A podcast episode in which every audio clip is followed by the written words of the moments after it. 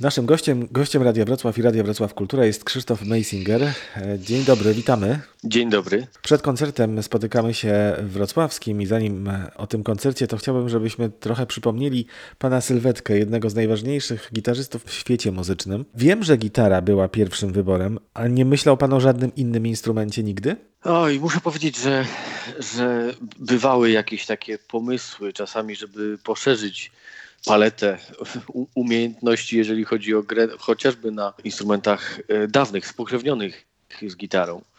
Ale gitara to jest, e, to jest, to jest bardzo zazdrosna e, kobieta i, i jednak stwierdziłem, że, że poświęcę się jej w całości. Czyli jednak gitara to kobieta. Tak, ona, ona jest kobietą e, zazdrosną, ale jednocześnie bardzo lojalną, jeżeli się jej e, odda swoje życie.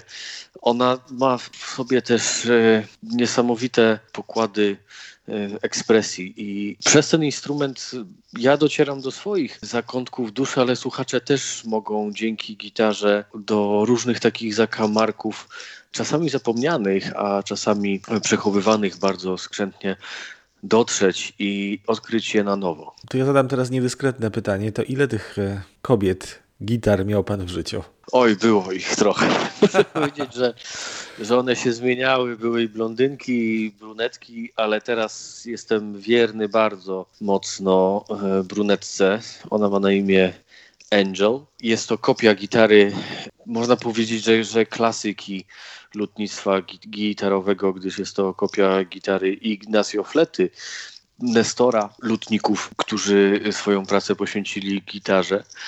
Jest to coś absolutnie niesamowitego, bo wcześniej miałem takie momenty, że miałem instrument, ale jednocześnie często mm, testowałem inne gitary. Natomiast w tym momencie, y, już od, od paru lat, gdy otrzymałem ten instrument, mm, inne gitary w ogóle mnie nie interesują i nie szukam już, bo znalazłem to, czego przez całe dotychczasowe życie szukałem. No, znalazłem tę jedyną, to jest wspaniałe.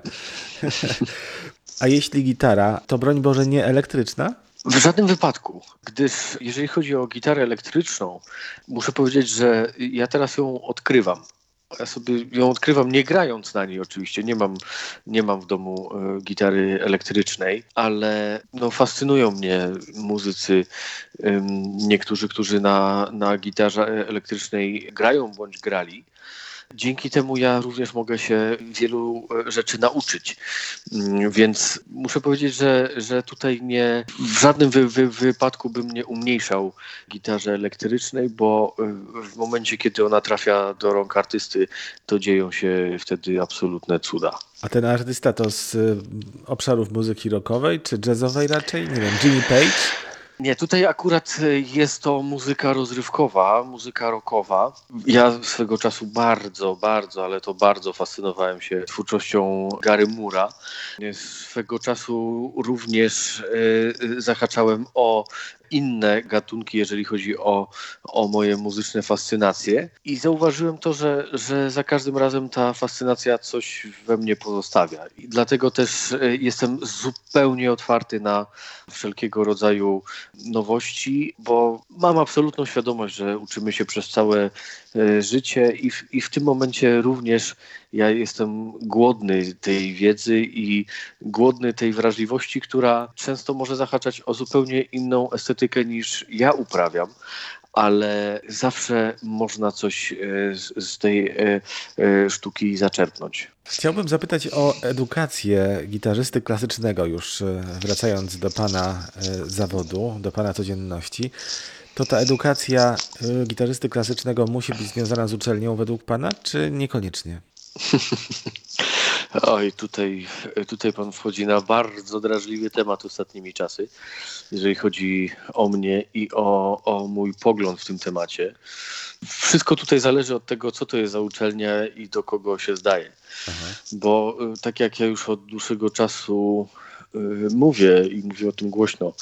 Mm, uczelnie przestały być miejscem bezpiecznym dla studentów ze względu na to, że wiele z nich y, zostało jeszcze w słusznie minionej epoce, jeżeli chodzi o o struktury, o pewien system funkcjonowania. Natomiast w momencie, kiedy trafia się do konkretnego pedagoga, u, u kogo chciałoby się studiować, e, wtedy ta praca przynosi absolutnie niesamowite rezultaty. Owszem, czas studiów i w ogóle czas e, takiej e, nauki, można powiedzieć, formalnej e, jest e, często bardzo burzliwy. Nie zawsze jest e, usłany różami, nie zawsze jest e, czymś, co, w czym chciałoby się jak najdłużej pozostać. Ale z drugiej strony, taka chyba jest też droga artysty, aby, aby tego życia poznawać w całej jego rozciągłości z całym dobrodziejstwem inwentarza i dzięki temu sztuka, którą artysta, już nie tylko gitarzysta, ale w ogóle muzyk, czy artysta związany z innymi dziedzinami sztuki. Dzięki temu ta jego sztuka staje się bliższa słuchaczom. Dzięki temu e, słuchacz słyszy siebie w muzyce granej, e, słyszy swoje własne emocje i jakby słyszy też swoje własne przeżycia, dzięki czemu ta muzyka nie jest e, taką sztuką e, dla sztuki. Muzyka od zawsze była wierną towarzyszką i całych narodów i wielu grup społecznych, ale ona zawsze służyła ludziom. I dzięki temu, że artysta poznaje życie dzięki temu ta muzyka staje się bliższa. I to nieważne, jaką muzykę dany artysta preferuje.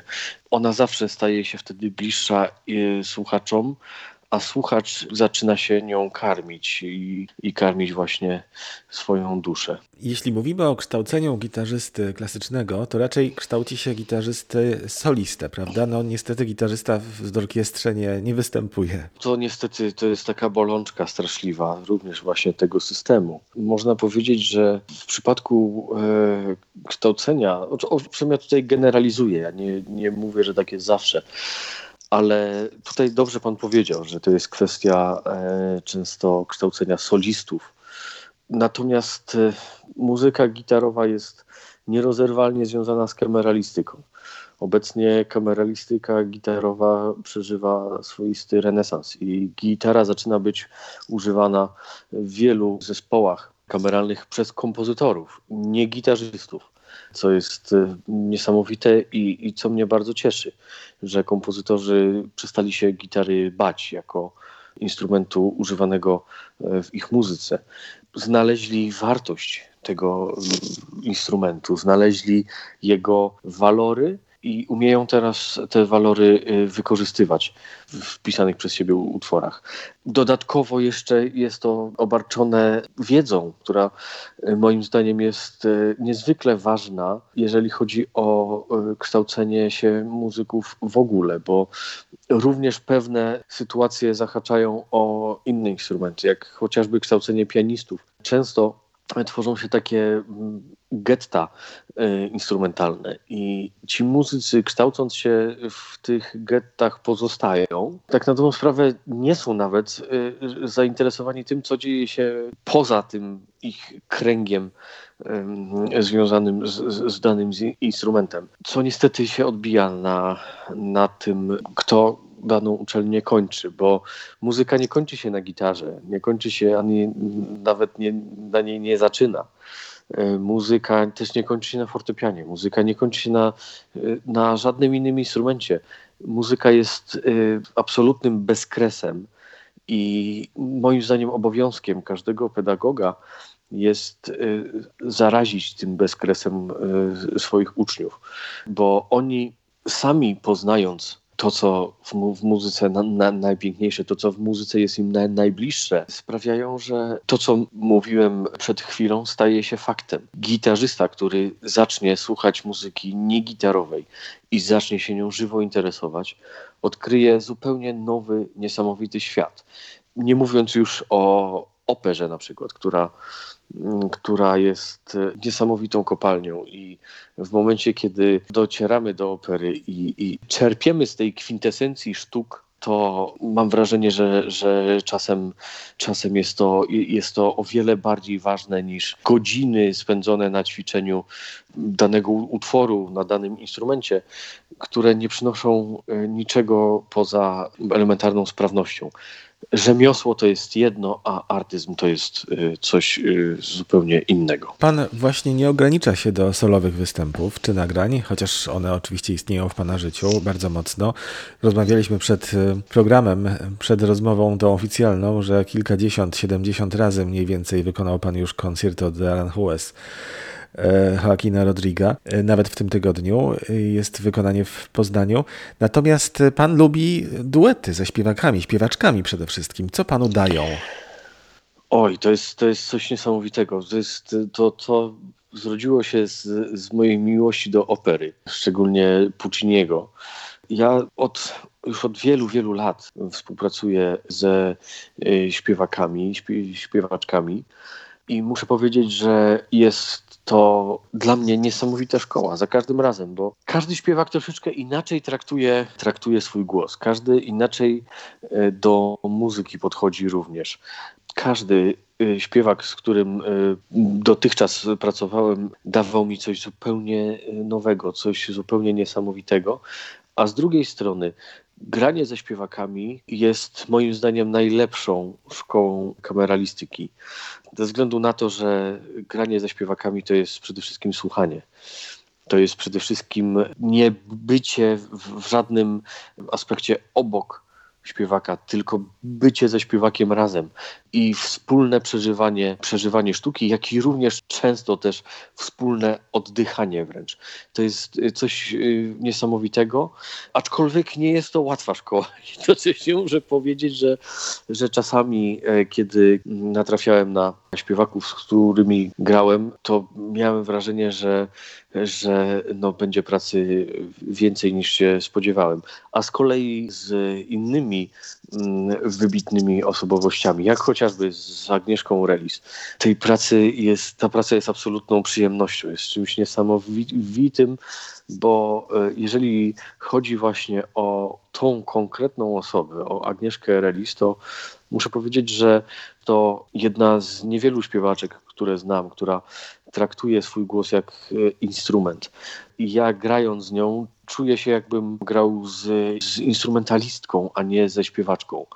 Tam wszystko jest bardzo klarowne, wszystko jest przygotowane i wszystko jest czymś, co jest e, inspirujące dla mnie.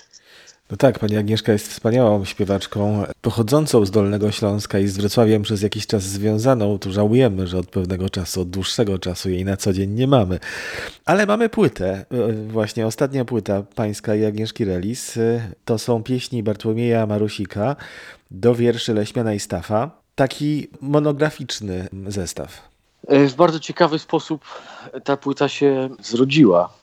Początkowo z, wspólnie z Agnieszką planowaliśmy już od dłuższego czasu nagranie takiej płyty recitalowej, na której znalazłyby się pieśni różnych kompozytorów. I w momencie, kiedy wybraliśmy te dla nas najbliższe nam utwory i dla nas najcenniejsze, to okazało się, że, że jeszcze tak na dobrą sprawę potrzebujemy krótkiego cyklu trzech, czterech pieśni, żeby, żeby tę płytę dopełnić. Ja wówczas powiedziałem, że znam młodego kompozytora, który być może będzie, będzie chciał i będzie takim zamówieniem zainteresowany. Ja zadzwoniłem do Bartka, powiedziałem mu o, o tym pomyśle. On mówi: mm, Słuchaj, no tak, to jest ciekawa sprawa. Wczoraj rozmawiałem ze swoim wydawcą któremu powiedziałem, że jakoś no, nie mam co, co pisać nowego, że jakoś, jakoś nie mam weny do pisania nowych utworów, a teraz ty do mnie dzwonisz i proponujesz mi coś zupełnie nowego, a w dodatku w trakcie na naszej rozmowy już, już mam pomysł, jeżeli chodzi o wiersze, które chciałbym e, do tych e, pieśni użyć. Po niedługim czasie przesłał mi pierwszą pieśń, była bardzo piękna. Mniej więcej co tydzień dosyłał kolejną. I po czterech pieśniach ja wysłałem je Agnieszce. Agnieszka do mnie zadzwoniła, mówi: Słuchaj, to są jakieś no, niesamowite sprawy. Być może co ty na to, żebyśmy e, całą płytę z, właśnie z, z pieśniami Bartka nagrali. Ja mówię, jestem absolutnie za. I wtedy też poprosiłem Bartka, żeby tego cyklu nie kończył, żeby pisał je dalej. I tak powstało e, kilkanaście pieśni, z których na płycie znalazło się ich 13. I muszę powiedzieć, że jest to płyta. No, nie chciałbym tak mówić o płycie z, mojej, z moim udziałem, ale ja o swoim udziale tutaj nie będę mówił w ogóle, ale te pieśni są ewenementem. Te pieśni są czymś niezwykle różnorodnym. Te pieśni mają w sobie absolutne bogactwo wyrazowe, e, absolutne bogactwo, jeżeli również chodzi o pewnego rodzaju lirykę wokalną. Tam usłyszymy trochę czasami muzyki Bacha, gdzie niegdzie Villa Lobos się pojawia. w innej pieśni z kolei bardzo mocne nawiązanie do poezji śpiewanej jako takiej. E, więc to, to wszystko jakby jakby w, tych, w tym cyklu jest zawarte, a jednocześnie ten, te pieśni złożyły się w pewnego rodzaju historię. Ten cykl nie miał tytułu, jak i również płyta nie miała tytułu przez długi czas po nagraniu. Ja nad tym tytułem się długo zastanawiałem. Aż razu pewnego, pamiętam, było to późno, późno w nocy, gdzieś w granicach godziny pierwszej, kiedy włączyłem sobie te pieśni i zacząłem ich słuchać przy zgaszonym świetle, to dopiero wtedy do mnie dotarł ten tytuł. I, i faktycznie są to pieśni nocą śpiewane. Są to pieśni, których warstwa literacka zahacza o intymność i to taką naprawdę wyraźną. Te pieśni mają w sobie tak olbrzymi ładunek piękna. Faktycznie, jak się w nie słuchać, wsłuchać, to każdy usłyszy w nich e, czasami wiersz o sobie, który napisał czy to Leśmian, czy, czy Staw. I wszystko to okraszone absolutnie niesamowitą muzyką i jeszcze właśnie w sposób bardzo świadomy, czujny wykonane są właśnie przez Agnieszkę, gdzie ona czasami właśnie dostosowuje swój głos do, do, do charakteru pieśni, często nawet do konkretnych słów. No, muszę powiedzieć, że, że nagranie tej płyty było dla mnie ogromną frajdą. Bartłomiej Marusik pisał te pieśni e, z przeznaczeniem na gitarę i głos, ale i transkrypcje są ważne. Sam pan zresztą i opracowania, sam pan opracował zresztą e, utwory. Brzmiał też na płycie z sinfonią wersowią. To jest tak, że szuka pan i rozszerza ten repertuar gitarowy właśnie po to, żeby wydobyć różne kolory z różnymi składami muzyków, mieć właśnie tę frajdę. Oczywiście, że tak. Oczywiście, to jest, to jest coś e, dla mnie bardzo naturalnego ja mam taką potrzebę wynajdywania tych utworów, które są mi bliskie. Opracowania jakby są, są taką dodatkową moją działalnością, którą e, robię w ramach e, wolnego czasu, którego i tak mam bardzo, bardzo mało. Ale w ramach tego wolnego czasu piszę.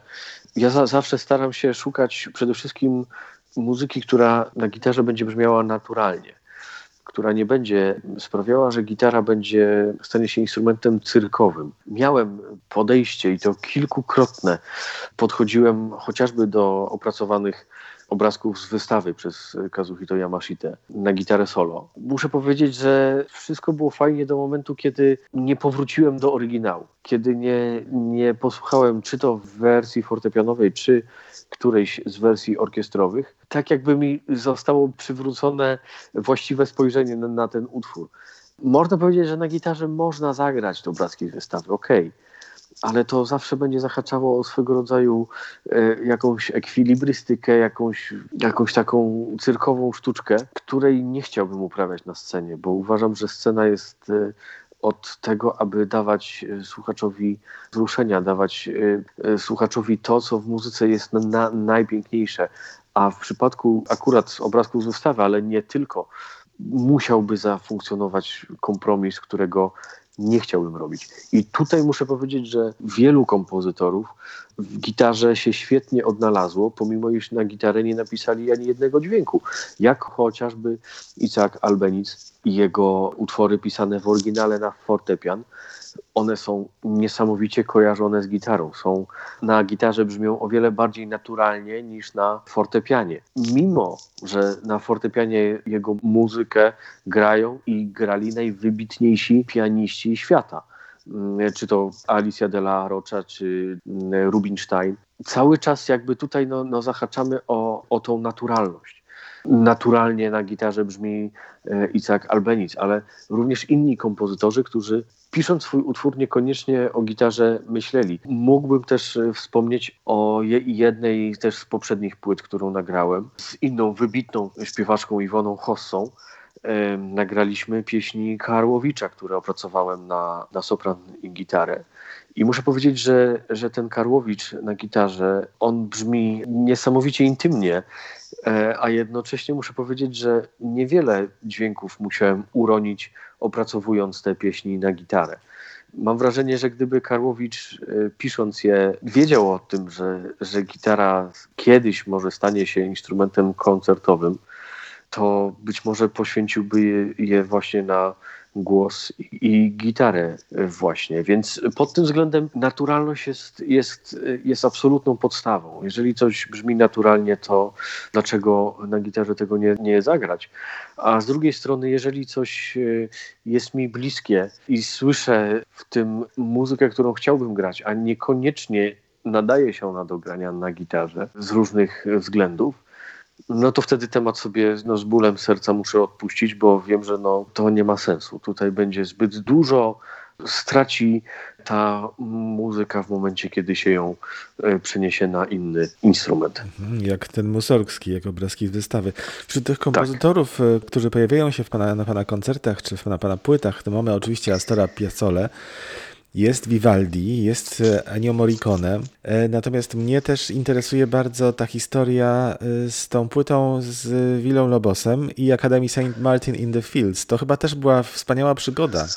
Tak, tak, to było niesamowite. Zresztą nagrywaliśmy to, tę płytę w słynnym Abbey Road studio w Londynie. No orkiestra fantastyczna, świetny dyrygent, którego wówczas zaprosiłem do tego nagrania José Maria Florencio, dla którego muzyka Willi Lobosa jest czymś absolutnie nadnaturalnym i z którym e, wcześniej miałem kilkukrotnie możliwość wykonywania tego koncertu w różnych miastach Polski i wtedy też jakby no zrozumiałem, że to jest ten właściwy dyrygent, którego chcę zaprosić do tego i nie, nieważne kogo będę szukał, zawsze będę chciał do niego wrócić.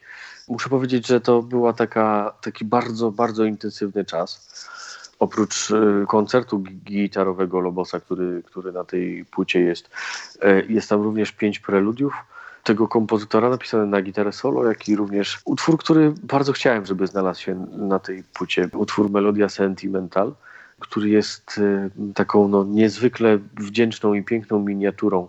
Mam wrażenie, że pomimo iż gramy tak na dobrą sprawę trzy utwory, czyli cykl pięciu preludiów, koncert i jedna miniatura, to na tej płycie udało się pokazać taki znaczny arsenał możliwości tego kompozytora, jeżeli chodzi o warsztat kompozytorski. Był to kompozytor o niesłychanej wręcz y, fantazji, nie, nieprawdopodobnej wyobraźni, jak i również y, nawiązując do jednego z wcześniejszych pańskich pytań, był kompozytorem formalnie nigdzie nie wykształconym. Można powiedzieć, że był samoukiem. Był samoukiem również, jeżeli chodzi o grę na poszczególnych instrumentach. Na wiolonczeli go uczył ojciec. Natomiast on, jak to sam powiedział, że on nigdy nie studiował muzyki, bo ilekroć się wchodzi na, na uczelnię, to w rozwoju człowiek cofa się o dwa kroki. I faktycznie czasami tak jest. I on w związku z tym, że z tego nie, nie zrobił, w niesamowity sposób jakby ta jego wyobraźnia działała. W niesamowity sposób była wyzwolona.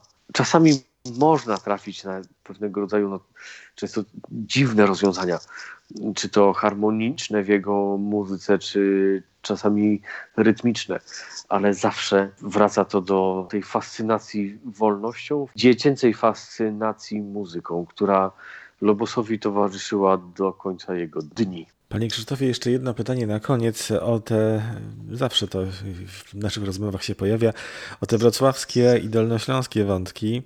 Wiem, że Pan występował w Oratorium Marianum. Zdaje się, że były też współprace choćby z Janem Jakubem Bokunem, ale w Narodowym Forum Muzyki to będzie debiut. Nie, to nie, nie, będzie debiut. Ja już, ja już występowałem e, jako solista parę lat temu na jednym z koncertów, na który zostałem zaproszony. No ja w ogóle z, do, z Dolnego Śląska pochodzę. No ja tak, przecież urodził się pan w. Głogowie. Tam jest mój e, rodzinny dom, co prawda obecnie e, z żoną i sy, z synkiem mieszkamy w Szczecinie, natomiast zawsze na Dolny Śląsk e, wracam jak, jak do siebie troszeczkę i jest to coś niesamowitego, bo jeżeli chodzi o najbliższy koncert, to już mm, zapowiedziało obecność e, kilku moich e, bardzo dawno niewidzianych przyjaciół, jeszcze z czasów szko szkolnych, co mnie bardzo cieszy, których też e, życie z Głogowa przyniosło do Wrocławia akurat, ale mamy ze sobą kontakt telefoniczny, ale, ale osobiście to myśmy się już nie widzieli oj grubo po ponad 20 lat, więc, więc jest to zawsze dla mnie ogromna radość. Dolny Śląsk e, bardzo, bardzo jest mi e, bliski. Jeżeli chodzi o Wrocław, to wiele la- lat temu koncertowałem czy to z orkiestrą Leopoldiną. Wielokrotnie też występowałem jako, jako solista.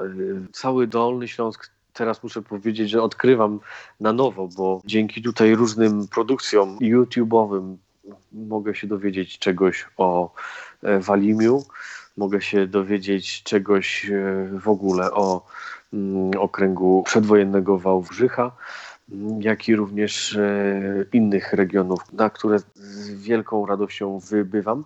Tutaj mowa chociażby też i o dusznikach, o, o Kłudowie, to jest coś, coś niesamowitego. Jest to, są to takie miejsca, w których czas troszeczkę wolniej płynie i, i jest y, czas na to, żeby, mm, żeby zaczerpnąć trochę świeżego powietrza. Krzysztof Meisinger z Westside Sinfonietą w niedzielę w Narodowym Forum Muzyki w tej legendarnej już jeśli idzie o brzmienie sali głównej, więc chyba to jest koncert, na który się pan cieszy. Bardzo. Bardzo się cieszę, tym bardziej, że w, w tej orkiestrze grają młodzi ludzie, a zawsze z młodymi ludźmi, z tą młodą energią potrafią dziać się cuda. Bardziej, że jeszcze będziemy grali muzykę Piazzoli. Można by powiedzieć, że w setną rocznicę jego urodzin. To jest y, kompozytor bardzo, bardzo mi bliski i odnoszę wrażenie, że, mm, że będzie to koncert, y, który zapadnie mi na długo w pamięci. Bardzo dziękuję za rozmowę. Dziękuję również.